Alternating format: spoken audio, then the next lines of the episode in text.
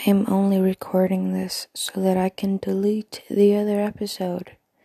Ah, ha ha ha.